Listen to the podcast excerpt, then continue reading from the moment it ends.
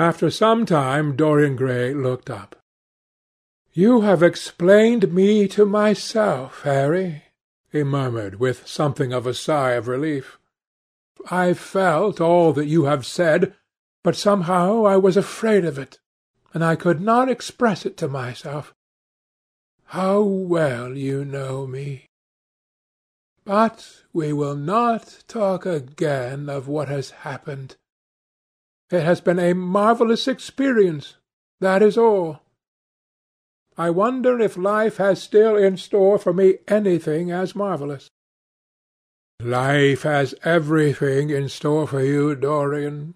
There is nothing that you, with your extraordinary good looks, will not be able to do. But suppose, Harry, I become haggard and, and old and, and wrinkled. What then? "Ah, then," said Lord Henry, rising to go, "then, my dear Dorian, you would have to fight for your victories. As it is, they are brought to you. No, you must keep your good looks. We live in an age that reads too much to be wise, and that thinks too much to be beautiful. We cannot spare you. And now you had better dress and drive down to the club. We are rather late as it is." "I think I shall join you at the opera, Harry. I feel too tired to eat anything. What is the number of your sister's box?" "Twenty-seven, I believe. It is on the grand tier. You will see her name on the door. But I am sorry you won't come and dine." "I don't feel up to it said Dorian listlessly. "But I am awfully obliged to you for all that you have said to me. You are certainly my best friend. No one has ever understood me as you have." "We are only at the beginning of our friendship, Dorian," answered Lord Henry, shaking him by the hand. "Good-bye. I shall see you before nine thirty, I hope. Remember, Patti is singing. As he closed the door behind him, Dorian Gray touched the bell, and in a few minutes Victor appeared with the lamps and drew the blinds down. He waited impatiently for him to go. The man seemed to take an interminable time over everything. As soon as he had left, he rushed to the screen and drew it back. No, there was no further change in the picture. It had received the news of Sibyl Vane's death before he had known of it himself. It was conscious of the events of life as they occurred. The vicious cruelty that marred the fine lines of the mouth had, no doubt, appeared at the very moment that the girl had drunk the poison, whatever it was. Or was it indifferent to results? Did it merely take cognizance of what passed within the soul? He wondered, and hoped that some day he would see the change taking place before his very eyes, shuddering as he hoped it.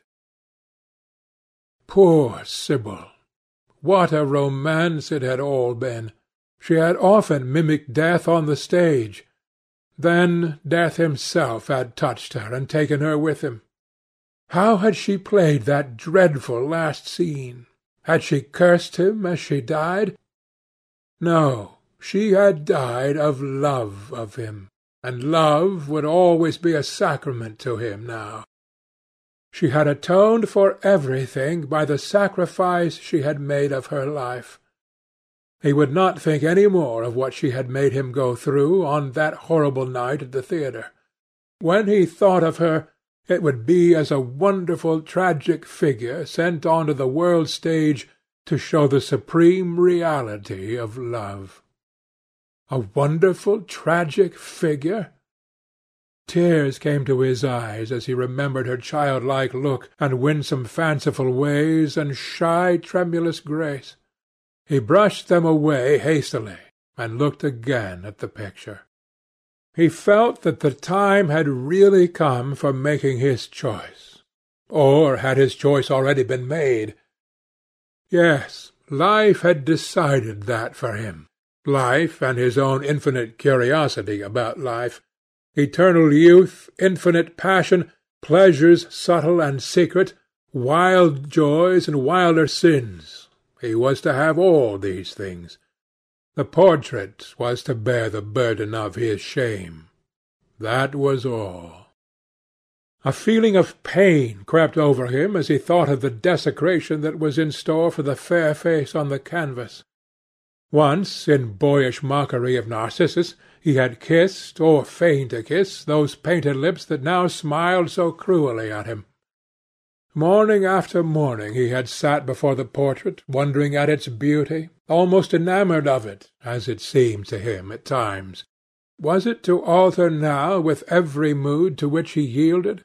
Was it to become a monstrous and loathsome thing, to be hidden away in a locked room, to be shut out from the sunlight that had so often touched to brighter gold the waving wonder of its hair? The pity of it! The pity of it! For a moment he thought of praying that the horrible sympathy that existed between him and the picture might cease. It had changed in answer to a prayer; perhaps in answer to a prayer it might remain unchanged. And yet, who that knew anything about life would surrender the chance of remaining always young, however fantastic that chance might be? or with what fateful consequences it might be fraught. Besides, was it really under his control? Had it indeed been prayer that had produced the substitution? Might there not be some curious scientific reason for it all? If thought could exercise its influence upon a living organism, might not thought exercise an influence upon dead and inorganic things? Nay, without thought or conscious desire, might not things external to ourselves vibrate in unison with our moods and passions, atom calling to atom in secret love or strange affinity? But the reason was of no importance. He would never again tempt by a prayer any terrible power. If the picture was to alter, it was to alter. That was all. Why inquire too closely into it? For there would be a real pleasure in watching it. He would be able to follow his mind into its secret places. This portrait would be to him the most magical of mirrors. As it had revealed to him his own body, so it would reveal to him his own soul. And when winter came upon it, he would still be standing where spring trembles on the verge of summer. When the blood crept from its face and left behind a pallid mask of chalk with leaden eyes, he would keep the glamour of boyhood. Not one blossom of his loveliness would ever fade, not one pulse of his life would ever weaken. Like the gods of the Greeks, he would be strong and fleet and joyous. What did it matter what happened to the coloured image on the canvas? He would be safe. That was everything. He drew the screen back into its former place in front of the picture, smiling as he did so, and passed into his bedroom, where his valet was already waiting for him.